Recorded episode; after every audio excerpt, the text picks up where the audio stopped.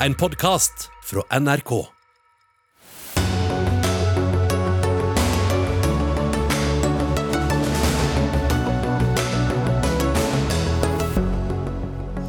Er det mulig å støtte folk i Afghanistan uten å anerkjenne Taliban? I kveld møter den afghanske delegasjonen en utsending fra den norske regjeringen. Danskene vil fjerne koronarestriksjoner allerede fra neste uke.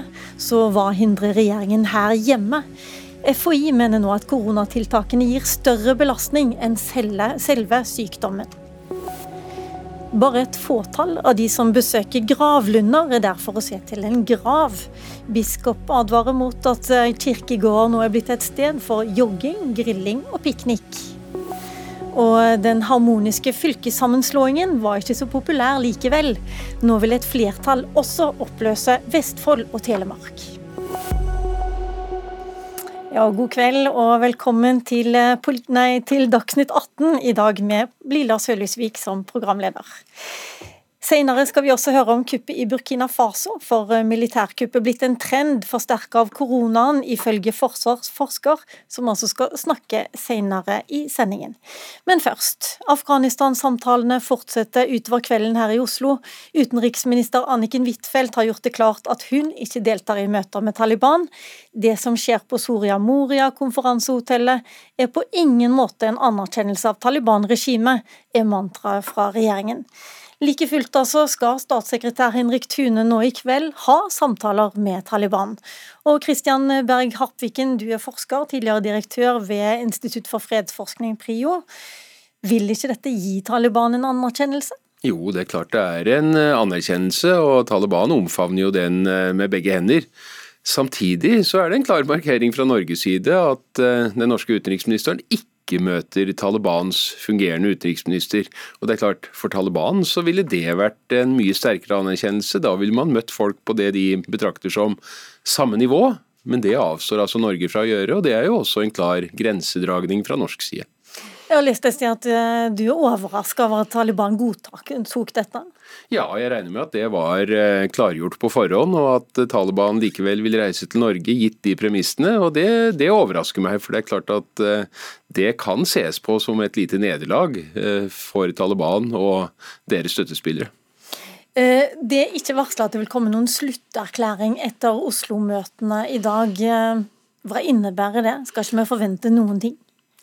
Har, det er i hvert fall ingen som har tort å love at det skal komme en sånn erklæring. Jeg vil nok tro at eh, det er et ønske at man skal legge grunnlaget for det, men så ved å ikke love det på forhånd, så påfører man helt seg, ikke seg selv et nederlag. Det kom jo en liten erklæring etter møte med sivilsamfunnsrepresentanter fra Afghanistan eh, på eh, søndag.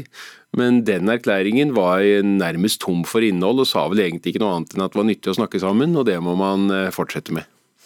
Det er nyttig å snakke sammen. Utenriksminister Gro Holm, du følger i hvert fall med på alle som snakker på disse møtene på Soria Moria.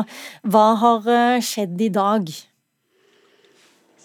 Ja, Om ikke jeg er utenriksminister, så er jeg i hvert fall utenriksmedarbeider. Ja, er, eh, De har møtt sivil... Uh, sivilsamfunnsrepresentanter her, representanter for norske hjelpeorganisasjoner, og det har vært også bilaterale møter, altså møter mellom norske embetsmenn fra Utenriksdepartementet i hvert fall, og, og, og Taliban. Så dette har vært eh, en, en, en, dag mer i kan du si, norsk, eh, Norges tegn, eh, med, med, direkte møter. Og En av de som eh, jo da har møtt Taliban i dag, er Flyktninghjelpens Jan Egeland. Han har også snakket med media, og han sier at de har fått eh, løfte fra Taliban om at jenter skal få gå på skole også etter at de er tolv år. Og Så får vi jo da se hva de løftene er verdt. Eh, det er mange i Taliban som vil være kritiske til det.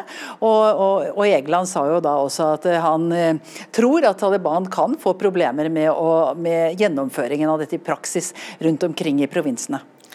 Hvis eh, Jan Egeland har hørt det, så er det vel muligheter for at statssekretær Henrik Thune skal høre det samme når han skal møte dem i dag? Ja, Det får vi tro. Eh, det er, eh, det er, jo også slik at det er et spørsmål eh, som også norske myndigheter må ta stilling til, om det er oppnådd såpass mye på disse møtene at man faktisk skal fortsette med møter i disse formatene med Taliban. Og, og, og der, etter det jeg har grunn til å tro, så har norske myndigheter en del krav til Taliban som de må love å oppfylle hvis det skal være noe vits i å gå videre med slike møter. Når jeg kalte deg utenriksminister, så var det jo litt sånn Freudian slip her, fordi at vi gjerne skulle hatt med oss utenriksministeren, eh, men, men nøye oss med deg absolutt, Groholm, som utenriksmedarbeider. Og jeg bare lurer på eh, hvilke eh, Har du fått noen reaksjoner der på at utenriksministeren ikke stiller? Nei, eh, vi har jo ikke hatt særlig tilgang til Taliban. altså Utenriksminister eh, Motaki var jo ute og snakket med oss i går. Eh, og da, Det var absolutt en enveisdialog. Vi skjønte ikke hva han sa. Det ble ikke oversatt noe, vi stilte bare spørsmål. Så, så hva de egentlig tenker om det Jeg vil jo tro at de er glad for at dette møtet overhodet har funnet sted. Og de, Han sa at det var en seier for Taliban. Og, og man skal huske på at det er ikke, Dette er ikke bare et møte mellom Norge og Taliban. Her er det representanter for USA, EU, Tyskland, Frankrike, Storbritannia og Italia. Eh, og Det er et eh, format som de ikke har eh, hatt tilgang til tidligere. De har jo møttes direkte med amerikanerne, men ikke med en så stor internasjonal samling av, diplomater. Både helsevesenet og utdanningssektoren, nå vender vi til deg, Kristian Berg Hapviken, trenger jo penger i Afghanistan. Men har man kommet noe nærmere hvordan Vesten kan gi penger til Afghanistan uten å gå via Taliban? Ja, Dette dreier seg jo om å bevare den kompetansen som er bygd opp gjennom 20 år på to helt kritiske områder for den afghanske befolkningen. og Man fant vel en lite smutthull på helsesektoren allerede i november og begynte å betale noe lønninger til helsearbeidere. Så det var et slags eksperiment. Men vi hørte jo at eh, Talibans fungerende utenriksminister Motaki på pressekonferansen i går sa nettopp at disse to områdene sto i fokus. Og Det er fordi at dette er også veldig viktig for Taliban, for å vise at de tar ansvar og kan styre dette landet. Men så er jo utfordringen at det internasjonale samfunn, donorene, de som er villige til å gi store penger, de vil ikke gi de pengene sånn at Taliban kan legge hånd på de. Da må pengene betales direkte til lønnsmottakerne som sitter rundt på helsepostene og som er lærere rundt om på skolene. Og det å finne løsningen på akkurat den nøtta, det er nok eh, noe av det diskusjonene på Soria Moria har fokusert på. Lederen for Flyktninghjelpen, eh, Jan Egeland, eh, sier i dag at han syns at disse økonomiske sanksjonene mot Taliban burde oppheves. Eh, er du enig med han i det?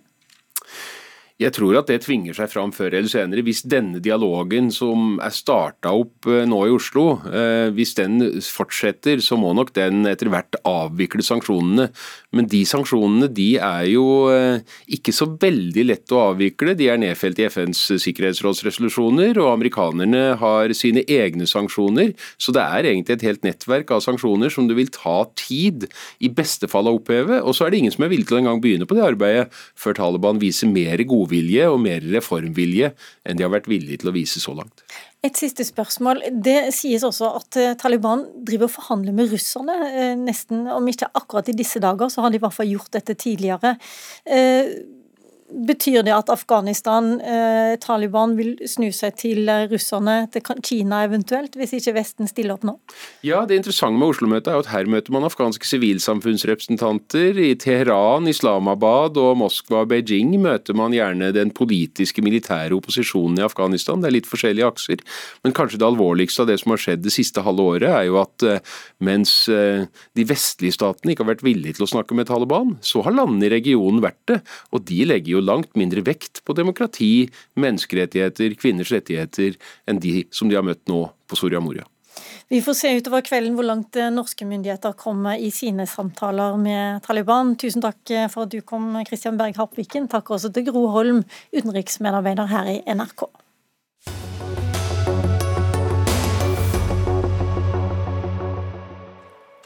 Da skal vi fram til et fylke som man trodde var veldig harmonisk sammenslått, men som på ingen måte er det likevel. For nå er det så, er det så klart at et flertall av fylkespolitikerne går inn for å skille Vestfold og Telemark. Det viser en kartlegging som NRK har gjort. Fylkestinget skal ikke ta stilling til dette spørsmålet før 15.2, men allerede nå viser det seg at skilsmissen mellom Vestfold og Telemark kan være nært forestående. Den avgjørende stemmen har nemlig ligget hos Arbeiderpartiet, hvor uenighet uenigheten har vært stort. Erik Skjervågen, du er ordfører i Fyresdal i gamle Telemark, og du er en av 52 totalt, av totalt 103 i Arbeiderpartiets representantskap, som vil stemme for å splitte opp fylket. Hvorfor vil du det? Ja, det, nå har jeg sittet i en sånn hurtigarbeidende komité for Arbeiderpartiet som skal komme med en innstilling. Så jeg har fått gleden av å høre på 23 kommunepartier som vi har hatt møte, en times møte med, om argumenter for og mot splitting av Vestfold og Telemark. Og da eh, viser det seg at det er fremdeles veldig svær motstand, spesielt i Vestfold, men òg i den store deler av Telemark, for å fortsette dette ekteskapet. Og I utgangspunktet så var jo dette tvang. For å fortsette eller oppheve ekteskapet? For å oppheve ekteskapet. Mm. Og eh, I utgangspunktet så var jo dette tvangssammenslåing som ingen ville ha. Og det er klart at Når det er så stor motstand, det blir pekt på kulturforskjeller, eh, demokrati, og det blir også pekt på avstander og måten å jobbe på osv. Og, så og det er ganske stor forskjell selvfølgelig mellom Vestfold og Telemark. Vestfold er jo ikke større enn Vinje kommune i Telemark alene. Det er faktisk mindre, og de er vant til å jobbe på en annen måte, har en annen kultur. Og i Vestfold nå så ser det ut som det er enstemmighet for å splitte Vestfold og Telemark. Og det er klart Med et sånt utgangspunkt og et tvang som middel i, i begynnelsen, så er det klart at da er dette et dødfødt prosjekt, etter min mening. Robin Martin Koss, du er ordfører i Porsgrunn, og du ønsker ikke oppløsning. Er ikke du imot tvang? Nei, altså Vi må jo se på hva som er best for eh, innbyggerne. Det som var ønsket fra Telemark, jeg tror også Vestfold i sin tid, det var å slå sammen Buskerud, Vestfold og uh, Telemark. Så fikk vi ikke med oss uh, Buskerud, så endte opp med bare Vestfold og Telemark. Uh, det var en veldig krevende prosess. Vi har to år med pandemi. Det var svære arbeidskonflikter i, i, starten av dette. Man måtte bytte fylkesdirektør og mye som skjedde.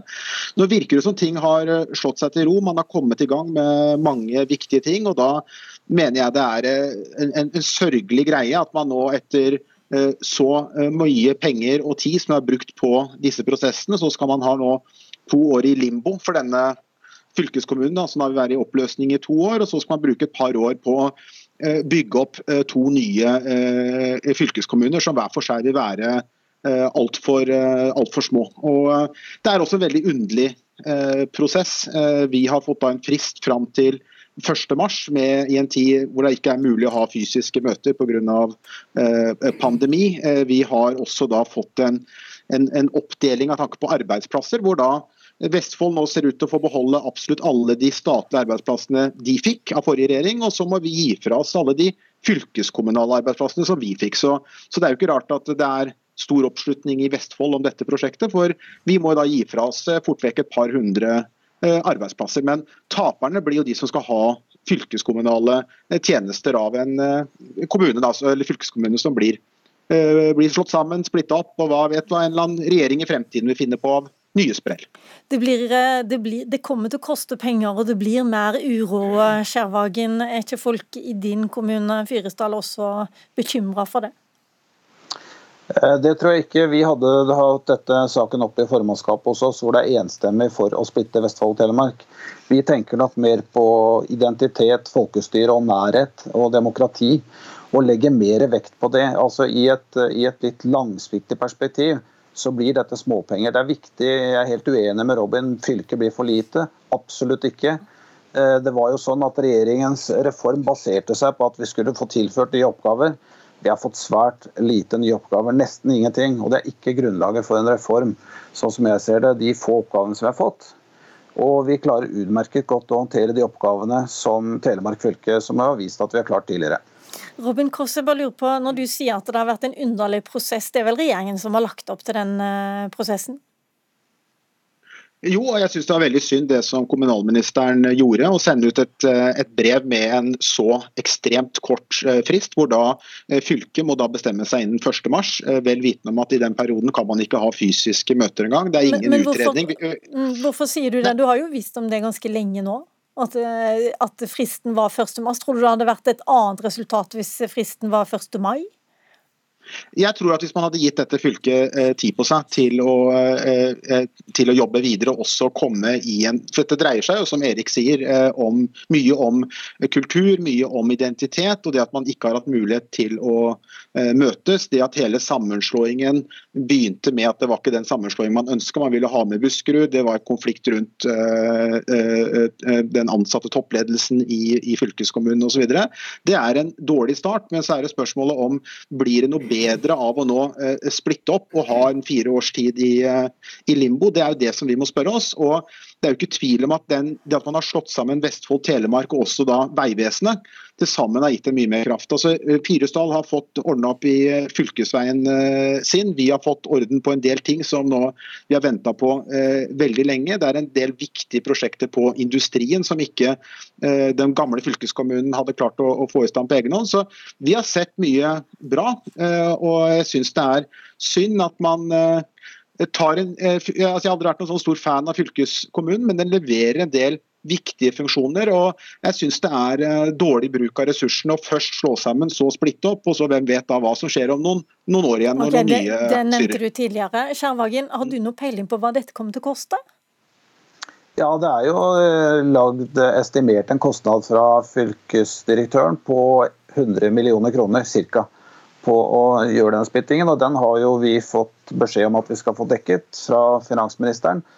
Det, men jeg tenker at uh, det er ikke kostnadene som er viktigst her. Her er det uh, kultur, folkestyre og nærhet til folket og demokrati som må stå fremst. Og når vi ser hvor store problemer dette kan medføre, så mener jeg at det bør vi gjøre uavhengig av den kostnaden eller ikke.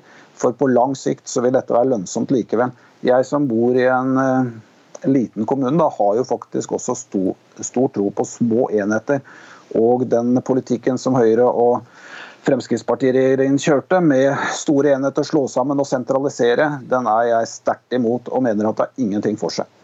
Jeg venner meg til Lars Nehru Sand, som er vår kommentator her i NRK. og når jeg sa i starten at dette var liksom en harmonisk fylkessammenslåing, så var jo det fordi at dette er ikke et storfylke som vi har snakka mye om, som et fylke som hadde potensial til å bli løsrevet igjen. Så hvor overraska er du? Det, det har åpenbart vært en, en dominoeffekt når regjeringen åpnet for at alle som vil, holdt på å si, kunne sende en, en søknad. Eh, regjeringen peker jo i, i Hurdalsplattformen ikke på de to mest omtalte tvangsgiftede fylkene, nemlig Viken og, og Troms og Finnmark, eh, men sier at alle kan sende et sånt eh, brev. Og Det har jo gjort da at man har fått en helt ny giv i debatten både i Innlandet og i, i eh, Telemark og Vestfold. og Derfor så står vi her vi, vi gjør nå hvor det har eh, vært en, en økende oppmerksomhet rundt at siste ord ikke var sagt, og, og ønsket om skilsmisse har vokst frem, og da på dramatisk vis, eh, også innad i Arbeiderpartiet spesielt, da, har bidratt til at eh, flertallet har snudd igjen i både Innlandet og nå ser det ut til også da i Vestfold og Telemark. Det har vel også hjulpet at eh, Trygve Slagsvold Vedum har sagt at han kan ta regningen? Staten tar regningen? Ja, det, det er jo et vektig motargument som, som da blir nulla ut ved at uh, finansministeren selv sier det. Og, og dette har jo vært en, en viktig sak for, uh, for, Senterpartiet. og Hvis de, både Viken, Troms, Finnmark og to ytterligere fylker blir tvangsoppløst, eller blir oppløst igjen, mener jeg, så, så er jo det en stor sak for, for Senterpartiet, som jo like gjerne kan risikere at Viken ikke blir eh, oppløst likevel. Det vi hørte nå, det var nettopp eh, to ordførere, begge fra Arbeiderpartiet, og begge to fra det gamle fylket Telemark. Hva er det med Arbeiderpartiet? Hvor mye er det denne saken splitter partiet nå?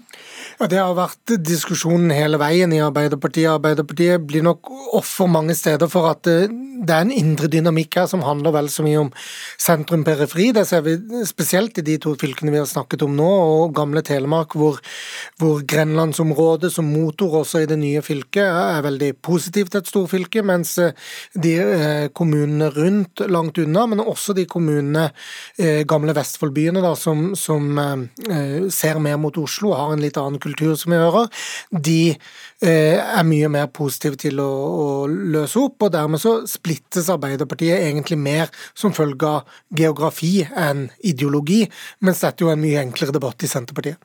Ja, og eh, splittelsen i Arbeiderpartiet, ikke minst om Viken storfylke også, har jo også ført til en splittelse internt i regjeringen?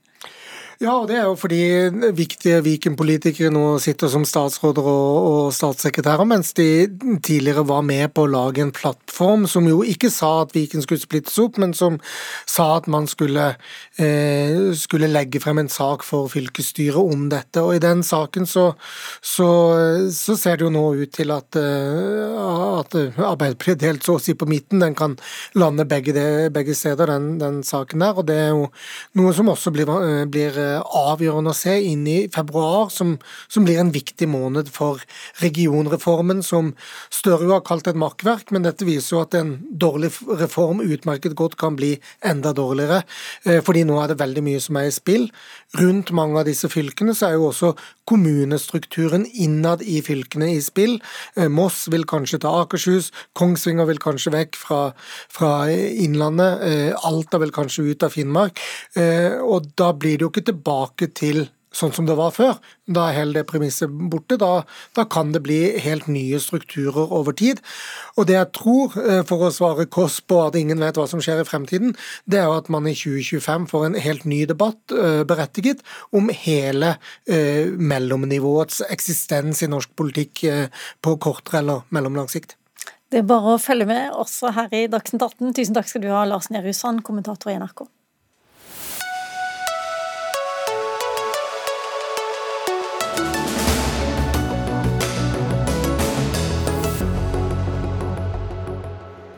For eh, alle på hjemmekontor, i karantene, på grensa eller med munnbind, så eh, vekker det nok stor oppsikt at eh, det i dag kom nyheter om at allerede neste uke kan man forvente at eh, danskene fjerner alle koronatiltak i landet. Endelig avgjørelse er ikke tatt, men helsemyndighetene har foreslått dette. Og også her hjemme er det rom for å gradvis lette på flere tiltak. Det sier du, Frode Forland, fagdirektør i FHI. Men du har gått lenger også, for du sier at eh, nå har vi kommet dit at eh, belastningen ved tiltakene kanskje er like ille som belastningen ved sykdommen. Forklar. Ja, vi får jo eh, hver uke rapporter fra alle kommunene gjennom statsforvalterne og fra alle RHF-er. Og, mange de regionale helseforetakene. Og, mange rapporterer jo nå at det største problemet er å få folk på jobb. Og at det er mange som er hjemme pga. karantene, enten de er i karantene selv eller hjemme for å passe på barn som er i karantene, eller at de har en liten forkjølelse som gjør at de ikke kan gå på, på jobb. Og at det belaster på en måte tjenestene i så stor grad. og I tillegg så ser vi også at det er en betydelig belastning på tiltakene i form av henvisninger til barne- og ungdomspsykiatri, f.eks. For, for barn og unge. Betyr det at FHI er klar for å gi råd til den norske regjeringen om at nå kan eh, også Norge eh, oppheve tiltakene? Altså, Vi gir råd hele tida på bakgrunn av de, observasjonene vi har. Og det vi ser nå er at Omikron er en mildere sykdom, og vi har en godt vaksinert befolkning. Og Så langt har dette gått bra. Vi har ikke fått denne raske smittestoppen som vi var redd for. Og Fortsatt så ser det ut som at sykehusene og kommunehelsetjenester klarer å håndtere situasjonen når det gjelder antall innleggelser. Så Da må vi vurdere framover hva slags tiltak som er hensiktsmessige i forhold til nytte av tiltakene og byrden av tiltakene. Og hva er hensiktsmessig akkurat nå? Akkurat nå så tror jeg vi er i en fase der det er riktig som regjeringa nettopp har gjort, med å oppheve en del av disse karantenerestriksjonene. Og gjøre det enklere og bruke mer testing for å kunne ha samfunnet i mest mulig drift. Eh, og ha, for, ha flere som slipper å sitte hjemme i, eh, i forhold til jobb. Men jeg eh, hørte deg i dag, jeg tror det var på VGTV, så sa du at hvis man ikke har symptomer, så er det ikke nødvendig å teste seg lenger. Nei, Det gjelder den generelle befolkninga. Dersom du er i karantene, så skal du teste deg. Dersom du kommer til landet, så skal du fortsatt teste deg. Men dersom du er i en normal situasjon og ikke har behov for eh, å teste deg, så er det ingen grunn til å gjøre det hver dag. Men da kan jeg bare hjelpe deg holdt på å si, at FHI har jo foreslått at f.eks. For den testingen ved innreise ikke er nødvendig lenger. Ja, Det er jo en uh, historie litt lenger tilbake, men uh, fortsatt så står det ved lag. og En har registrering av folk som kommer til landet, og en har testing, men en har oppheva karantene. Uh, og jeg tenker at Det er et steg i rett retning. og Det er jo også med å kanskje gjøre at litt færre reiser, og det kan òg være med å hindre på en måte presset på, på de norske helsetjenester fremover. Karl Kristian Bekeng, du er statssekretær i Helse- og omsorgsdepartementet. Hva hindrer deg nå i å oppheve flere tiltak?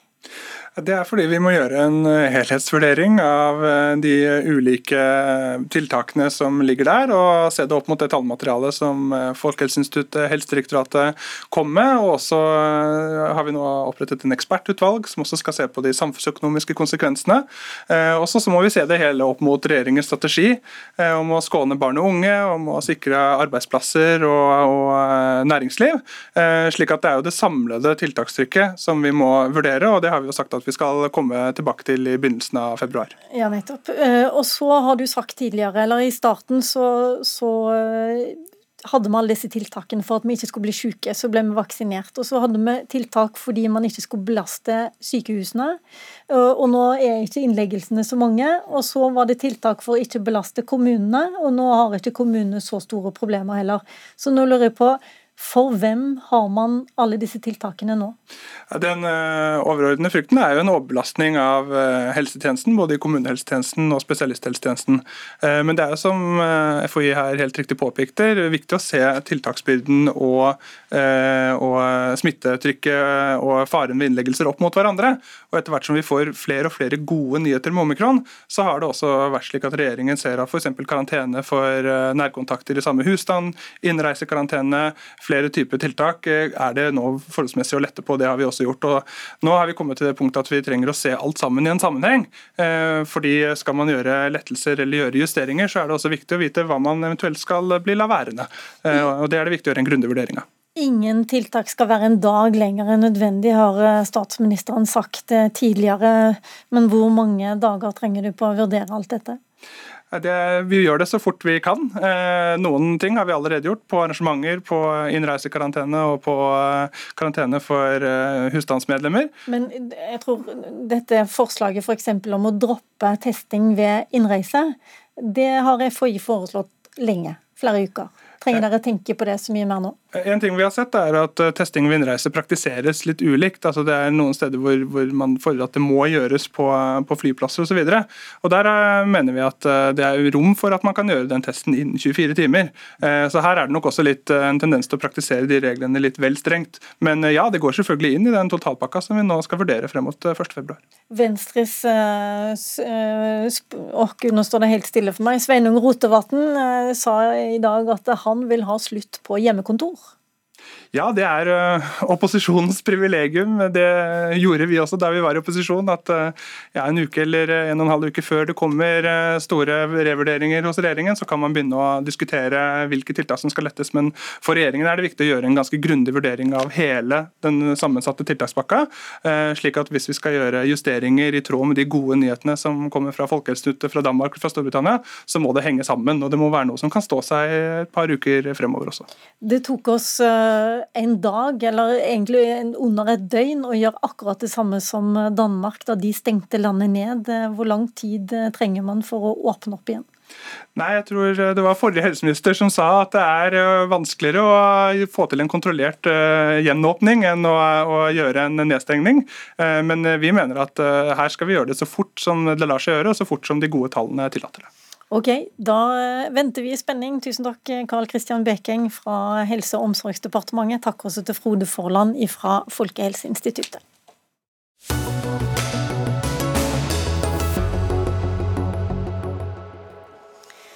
Avdødes familier som oppsøker gravsted for å minne sine kjære, risikerer å bli møtt med ballspill, grilling og bikini. Undersøkelser av gravlunder, særlig i de store byene, viser nemlig at det bare er et fåtall av de besøkende på gravstedene som kommer for å besøke en, en grav. Bent Salmeli, du er driftsleder ved Lørenskog kirkegård, og dette er en utvikling som dere har faktisk tatt konsekvensen av. Nå har dere gjort om på gravlundene og vært opptatt av å åpne opp for andre besøkende. Hva, hva er det dere har gjort da? Du, dette var eh, Lørenskog kommune som var så fremsynt for uh, over 15 år siden. og satte av et areal for uh, utvidelse av gravplassen. Og Da hadde de en eh, designkonkurranse på hvordan dette skulle formes. Og da falt vinnerutkastet på å lage et parkområde hvor vi i dette området lager ellipser.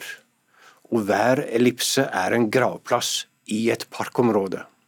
Men skal ikke gravplassen være et sted for familier og sørgende, og ikke så mye liv og andre aktiviteter? Gravplassen er først og fremst et sted hvor vi gravlegger våre kjære. Men det er også et sted hvor sørgende skal kunne komme og finne ro og verdighet eh, på gravplassen.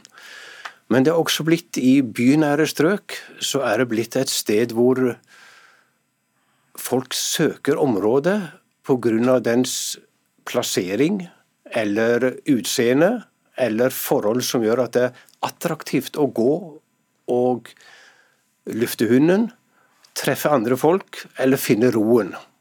Men det er lov å jogge over gravplassen i Lørenskog? Vår gravplass er delt i to, egentlig. Det er den nye utvidelsen hvor vi har et parkområde med små gravplasser. I det området skal du jogge så mye du vil. Du kan få lov til å grille. Vi har satt opp uh, over 40 parkbenker. Her skal folk få lov til å kjenne at de finner sin plass og finner sin ro.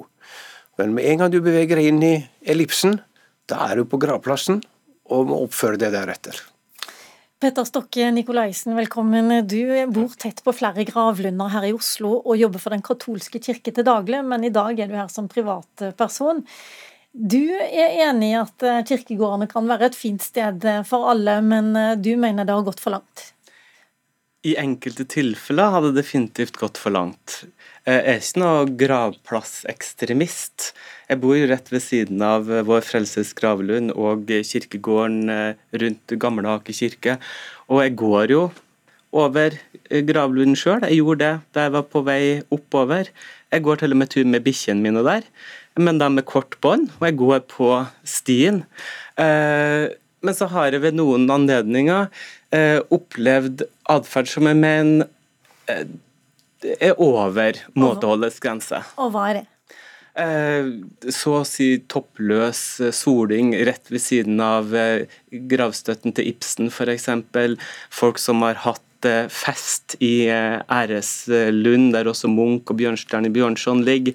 Eh, og det synes jeg er respektløst, både overfor dem som er gravlagt der, men ikke minst for de sørgende som kommer for å bearbeide sin sorg eh, på gravlund. Så du mener kanskje gravlunden bør være for færre folk, og ikke for flere og flere aktiviteter? Jeg mener at dem som skal sette preg på gravlund, det er Eh, de sørgende. Eh, og det er de andre som skal ta hensyn til dem. Halvor Nordhaug, du er biskop i Bjørgvin, og du stiller også spørsmål ved dette å blande park og kirkegård. Hva er det du frykter? Nei, altså En kultur kjennetegnes jo på det at man har respekt for de døde, og at de døde ligger på et fredelig sted, dvs. Si jo gjerne hvil i fred. Og Det handler jo om at de som kommer dit for å sørge, at de skal få oppleve en form for skjerming. Nå kjenner jo ikke jeg denne løsningen på Lørenskog, så den kan jeg ikke uttale meg om. Men jeg vet jo veldig godt hvor vår Frelsers gravlund ligger, midt i byen.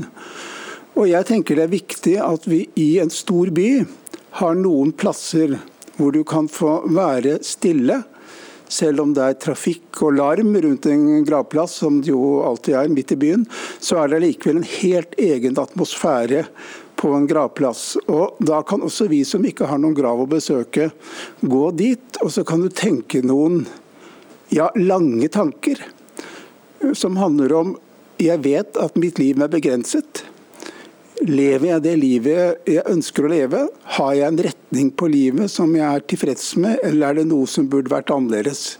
Altså Den type alvor og langsomhet og stillhet som er på en gravplass, er absolutt verneverdig.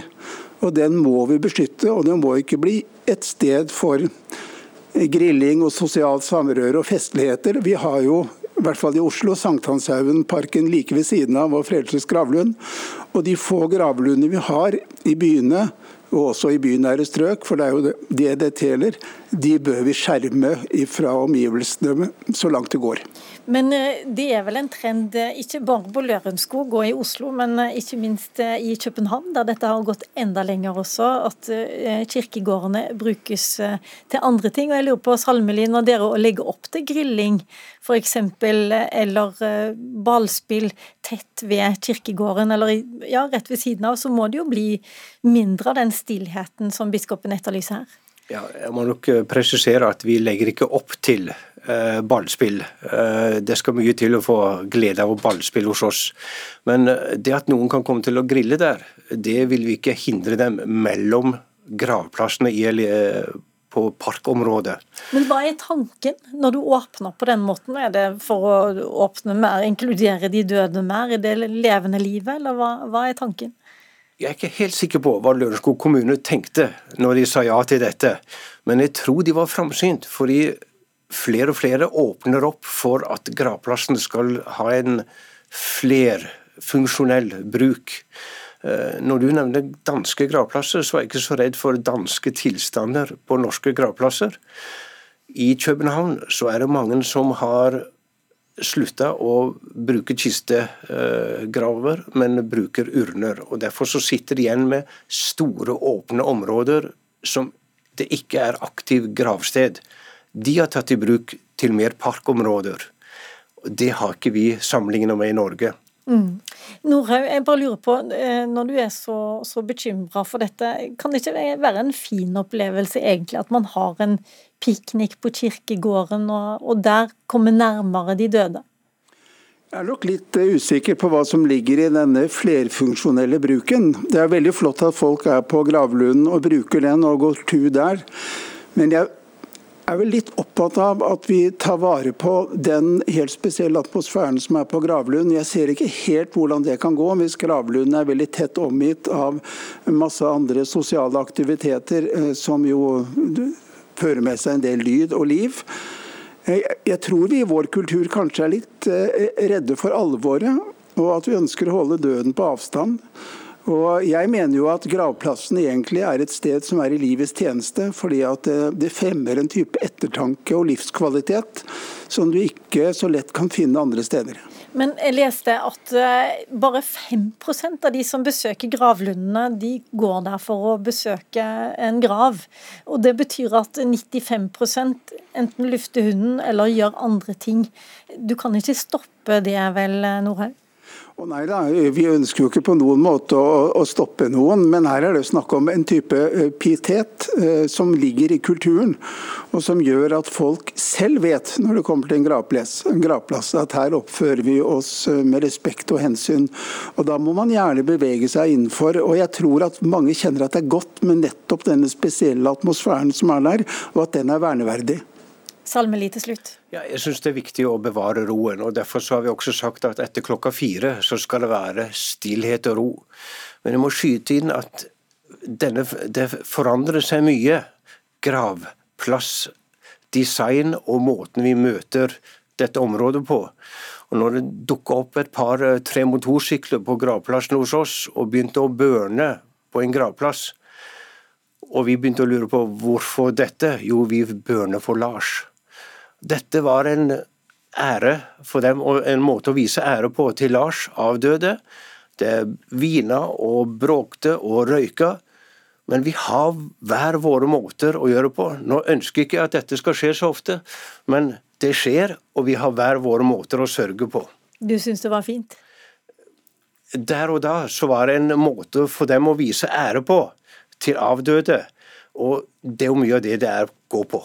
Tusen takk for at du kom til Dagsnytt 18, Bent Salmeli, driftsleder ved Lørenskog kirkegård. Tusen takk også til Petter Stokke Nikolaisen, som er nabo av vår Frelsers i Oslo, og til deg, Halvor Nordhaug, biskop i Bjørgvin.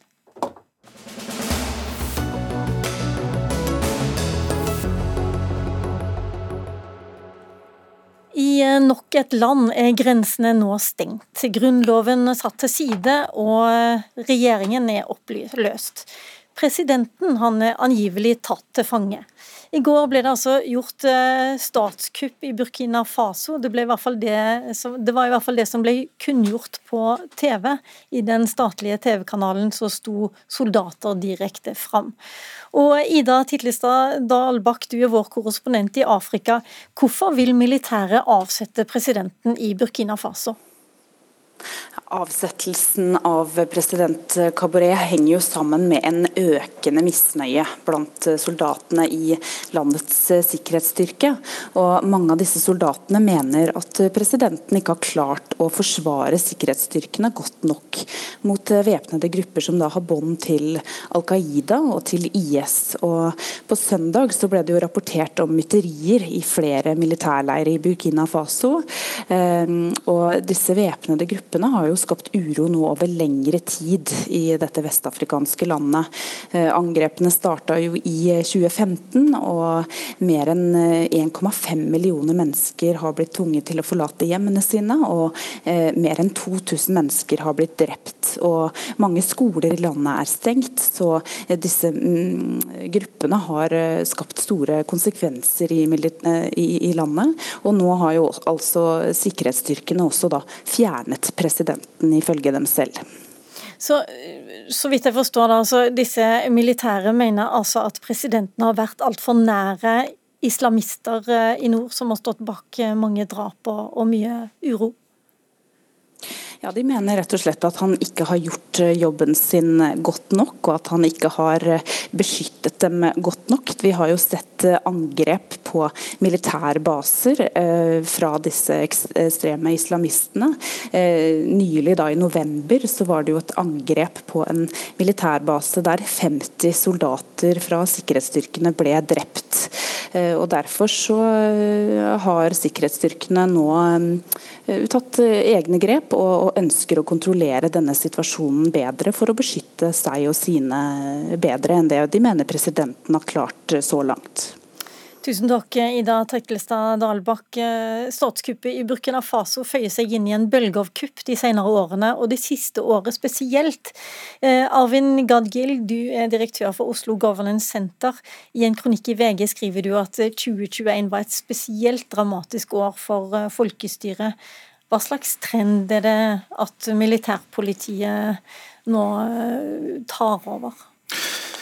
Det er um, sånn at det har vært 2021 eh, var et, eh, et år med mange kupp. Så må jeg bare raskt si at det har tidligere i historien vært eh, omtrent like mange kupp i løpet av et år. altså På 60-tallet så var det veldig mange kupp, men 2021 eh, var, var, et begredelig år. Um, men det er også viktig å huske at det er ikke bare disse spektakulære hendelsene som sier noe om eh, tilstanden til demokratiet i verden. Det er også denne sakte utglidninga av demokratiske rettigheter og en sakte overtagelse av autokratiske krefter. Og dette sammen med disse veldig dramatiske hendelsene gjør, gjør situasjonen veldig alvorlig. Eh, og det er all mulig grunn til å si at eh, demokratiet eh, som styreform er på tilbaketog.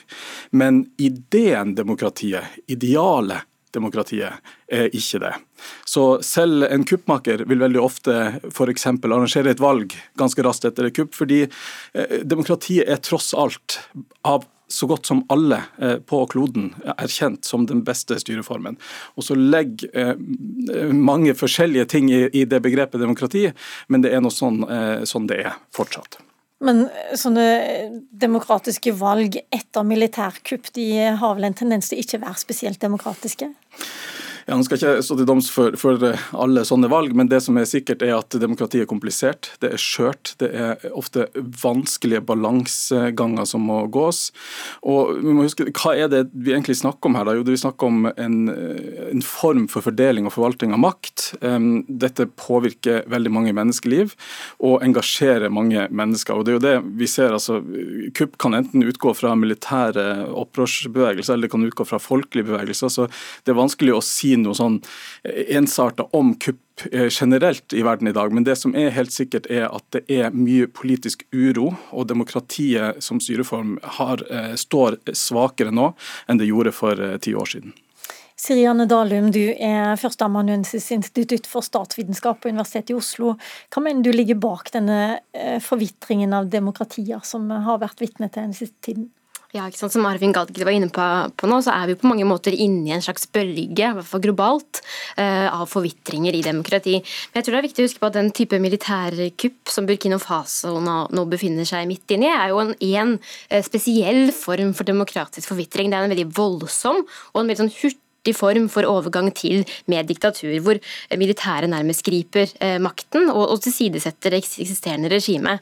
Men hvis vi ser på denne globale bølgen av demokratisk forvitring, så har det, det mest vanlige i denne bølgen har vært at det har vært ledere som har blitt valgt gjennom politiske valg, som har kommet til makten eh, gjennom demokratiske kanaler. Men så, når de har kommet til makten, har de gjerne undergravet demokratiet fra innsiden. F.eks. ved å undergrave demokratiske institusjoner som, som domstoler domstolene, eh, kanskje tilsidesette eh, parlamentet eh, osv. Så, videre.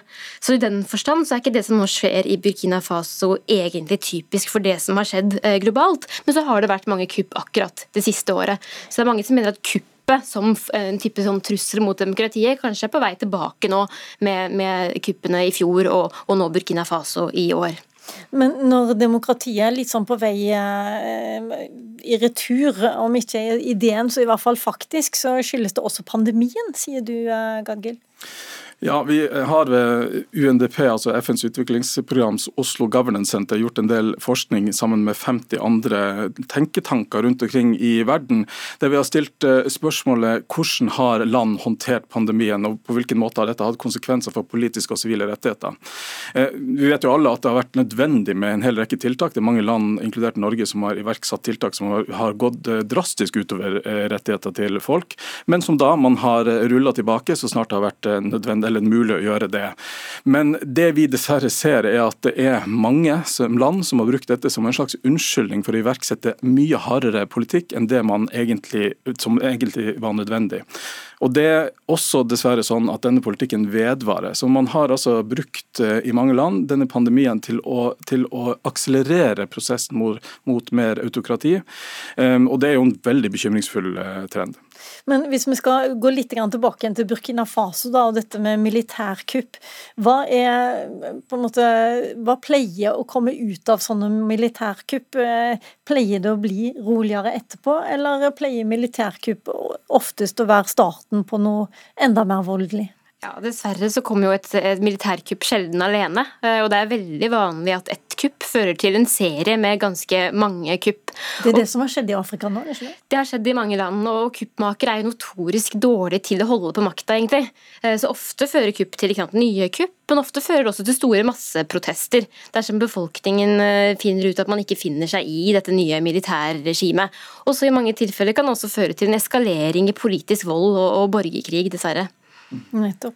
Men eh, kan vi si at Afrika er spesielt sårbart for eh, statskupp?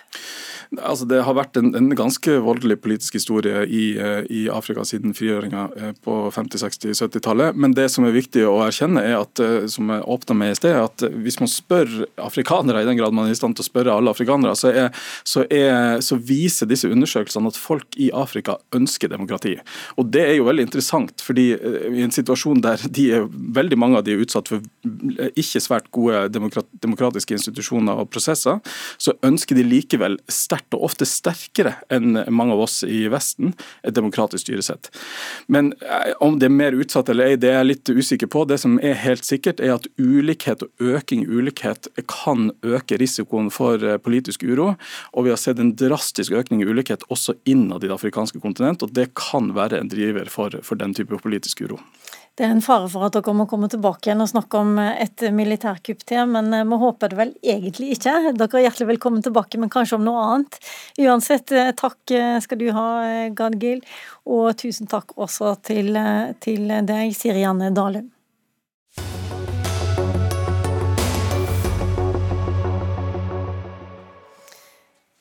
Ordet småbruk har i flere år troppa søkelisten på finn.no. Drømmen om det gode livet på landet gjør at tomme småbruk er superpopulære, særlig blant småbarnsfamilier.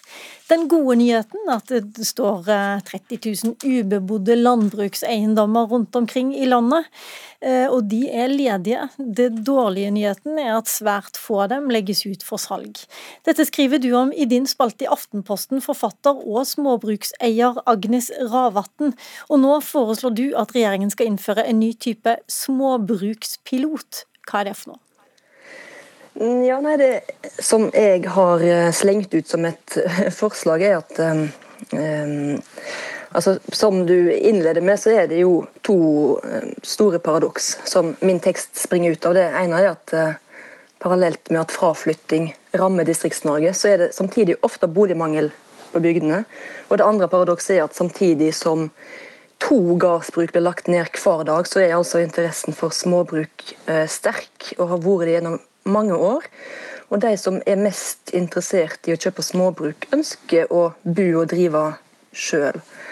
Så disse her 30 000 nedlagte landbrukseiendommene som har bostadhus der det ikke bor noen, der huset bare står og forfaller og jordbruksarealet gror igjen, det jeg drømmer om, det er at en kunne tatt et par eh, av dem som en start Eh, gjerne eh, sånne spøkelsesgårder der det er, altså, som er i et område med boligmangel, og der det er skole og barnehage, men en har lyst på flere folk, og der det ikke er bønder som, som eh, orker tanken på enda mer tilleggsjord. Og så kan en tatt og delt den gården i tre-fire mindre småbruk. Vi Ha litt vedskog og litt utmark og litt innmark til hver, og et nytt hus til hvert nye bruk. Um, så et småbruk i overkommelig størrelse for en barnefamilie i full jobb, og la det være bu- og driveplikt. Og se eh, om ikke det ville vært populært. Dette, for, for mange. Ja, ikke sant. Eh, dette høres ut som et sånn drømmeforslag for Senterpartiet, stortingsrepresentant eh, Kjerstin Wøien Funderud. Vil du sette i gang med en småbrukspilot? Jeg syns jo det er veldig artig å høre på Agnes Ravatn og de ideene hun har. Eh, Senterpartiet vil ta hele Norge i bruk. og eh, vi er jo opptatt av at, eh, å ta grep for å gjøre det attraktivt å bo i Distrikts-Norge. Og det er jo helt riktig som hun påpeker at da er det noen ting som må være på plass for at du skal kunne velge å ta det valget. Og det er jo det at det finnes arbeidsplasser, infrastruktur i form av veier, bredbånd osv. Eh, gode skoler og barnehager osv. Så, videre. så det er i hvert fall det aller viktigste å få på plass. At det er eh, et valg å flytte til disse småbruka som eh, Agnes Ravatn peker på. Men altså, det hjelper jo også hvis man får penger til å lage sånne fine steder å bo, som Agnes Ravatn beskriver her. Gjerne et gårdsbruk delt i fire deler som ikke er så veldig store. Ja, jeg vet ikke hvor konkret man skal være på, på, det å dele opp eh, gårder, men det at det i hvert fall er eh, mulig å bruke de småbruka som allerede er fly, fraflytta, og som er eh, attraktive da, for de som ønsker å bo, bo på landet, det tenker jeg er noe å tenke på, og at det er en god, god tanke. Og, og, det er jo også morsomt, eller jeg syns det Jeg syns jo Agnes Ravatn er en fantastisk ambassadør når hun beskriver det gode liv, da.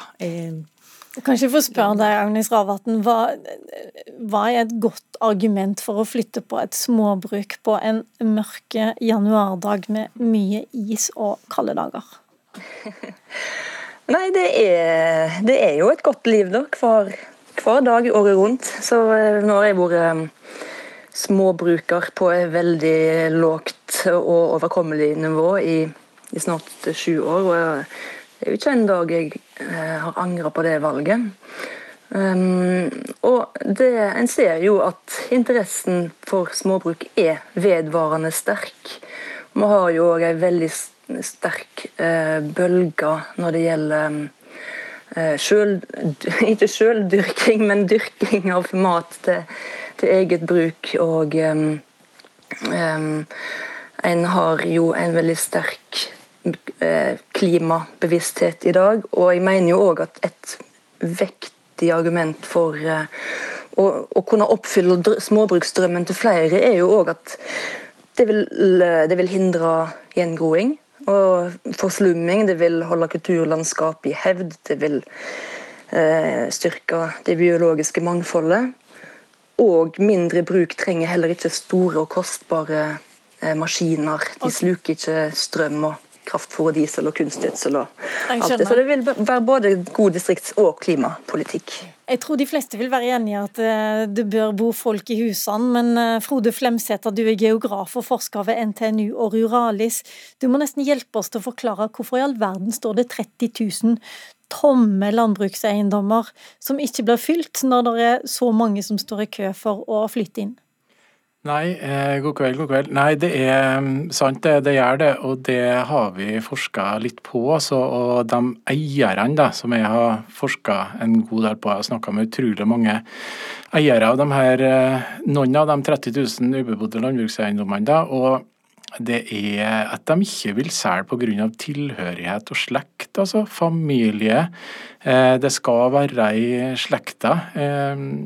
Og da betyr det ikke så mye om man får eh, en eh, kjøper på døra som vil betale gode penger for det heller. Eh, man må på en måte spørre både sin avdøde bestefar og kanskje barnebarn som ikke er født ennå, pga. at denne eiendommen føler man tilhører slekta, og man forvalter den på vegne av slekta vel så mye som at du føler det som én eier. Men det er ikke noe i odelslov eller i, i delingslov eller andre lovhindre som, som uh, gjør at småbarnsforeldre ikke kan kjøpe denne type gårder? Jeg tror ikke det er hovedproblemet, egentlig. Altså Odelslova har vi hatt lenge, og det er nettopp på grunn til at Og den har delvis ført til det, men òg eh, den har blitt til på grunn av at det er et veldig sterkt bånd mellom slekt og eiendom i Norge. Og Noen av de eiendommene vi snakker om her, dem eh, er det odelsplikt på, det er konsesjonsplikt og bo- og driveplikt og sånne ting, og noen er det ikke. Um, og Forskninga vår tyder vel på at det er ikke det først og fremst, det er ikke lovverket som er det store hinderet, det er følelsene som er hinderet. Men uh, hvis du skal gi noen råd til Senterpartiet og Funderud, som sitter her i studio og gjerne vil gjøre mer for å få flere til å flytte på landet, hva skal de gjøre da? Nei, Da skal de gjøre akkurat som Agnes Ravatn tenker, og, og skrive litt om det og få i gang en debatt eh, om det, som kanskje får slekt og familie og eiere og lokalsamfunn til å tenke seg litt om hva vil vi egentlig med den eiendommen her? Hvorfor har vi den egentlig i slekta ennå? Eh, er det noen som vil kjøpe den? Og, og få i gang de der prosessene der, få i gang samtaler. For det her er essensielle samtaler i familiene, så det er vanskelig å ta opp. Det er, det er, dype følelser kan ligge i det, og kanskje motstridende følelser òg innad i familiene. Og Å få i gang de her refleksjonene her, det tror jeg er eh, kanskje det aller viktigste. Kanskje det er der du skal starte, Funderud, med å starte med å snakke med bøndene, som Senterpartiet gjerne har et ære til? Ja, jeg syns i hvert fall eh, at eh, forskerne her har veldig gode innspill i forhold til hvor man kan begynne. og det er meldt en distriktsmelding eh, som eh, står foran oss, og, og at den også kan, skal, skal, følge opp da anbefalingene gitt av Nordmann og Brandtzæk-utvalget. Og håper at de kan ta inn noe om denne viktige problemstillingen der. For det er jo sånn at det er stor interesse for å ha mer plass rundt seg. Og jeg tror nok det er ikke så stor interesse da, for å bo, flytte fra et boligfelt i byen til et boligfelt på landet. og Derfor så må det tilrettelegges annerledes, så at man også får, får en smidigere eh, håndtering av planer, de statlige planretningslinjene, som i dag er veldig rigide i forhold til hvordan du skal utnytte areal. Så sånn at det er mulig å ha en hest, ha noen sauer, ha noen høns og en grønnsakshage. Eh, så, så jeg syns at eh, både Ravatn og og forskerne her har veldig spennende tanker som jeg syns at vi skal ta på fullt alvor inn i den politikken som vi nå ønsker å lage framover. Flemsæter, hvor realistisk tror du det er å få en endring på dette? Nå forsvant lyden din her, skal vi se. Er du der? Ja, jeg er her, jeg. Kort til slutt, hvor, ja. hvor realistisk er det å få til en endring, f.eks. i den distriktsmeldingen som kommer? Jeg tror at det er realistisk å få til endring, og det er mange regionale tiltak som har fått opp omsetninga av de eiendommene her, nettopp pga. at de har på en måte fått i gang en, en samtale i familier og i lokalsamfunn. Så jeg tror det er veien å gå. Da skal du ha takk for det, så kanskje har du fått flere til å åpne opp for salg av eiendommen sin, Agnes Ravatn, som er forfatter og småbrukseier. Takk også til Kjerstin Wøien Funderud, og til eh, Frode Flemsæter. Det gjenstår bare å si at Jaran Ree Mikkelsen har vært ansvarlig for sendingen. Teknisk ansvaret hadde Lisbeth Sellereite. Mitt navn er Lilla Sølhusvik. Du har hørt en podkast fra NRK. Hør flere podkaster og din favorittkanal i appen NRK Radio.